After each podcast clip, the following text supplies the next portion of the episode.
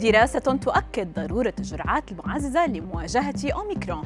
أوميكرون يتحور. فرع جديد يحبط علماء الأوبئة. ودراسة تكشف مفاجأة حول حساسية الفول السوداني والأطفال. أبرز أخبار الأربع والعشرين الماضية في دقيقتين على العربية بودكاست. وسط التطورات الأخيرة لفيروس كورونا المستجد وضع علماء الأوبئة متحورا فرعيا من أوميكرون نفسه يطلق عليه لقب BA2 تحت المراقبة. المتحور الفرعي BA2 والذي أصبح المسيطر في الآونة الأخيرة قد فاجأ الجميع خصوصا في الهند والدنمارك.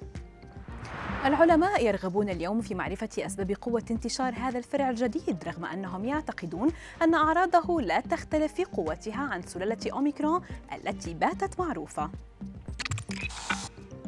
فيما الجدل لا يزال مستمرا بشأن فعالية اللقاحات في مواجهة متحور أوميكرون من فيروس كورونا.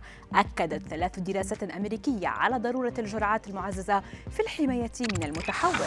فقد قدمت ثلاث دراسات مزيد من الأدلة على اللقاحات المضادة لكورونا بإمكانها التصدي للمتحور أوميكرون.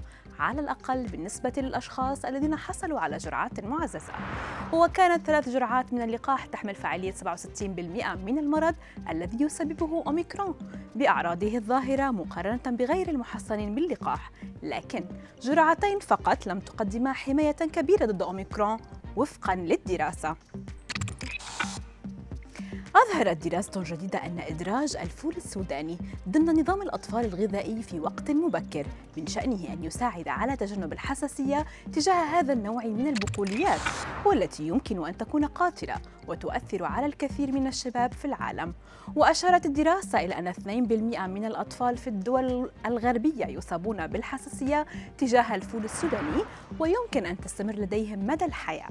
ووجد الباحثون أن تقديم منتجات الفول السوداني للأطفال والرضع وزيادة التعرض لهذا المكون تدريجيا تؤدي إلى مقاومة أكبر لمسببات الحساسية.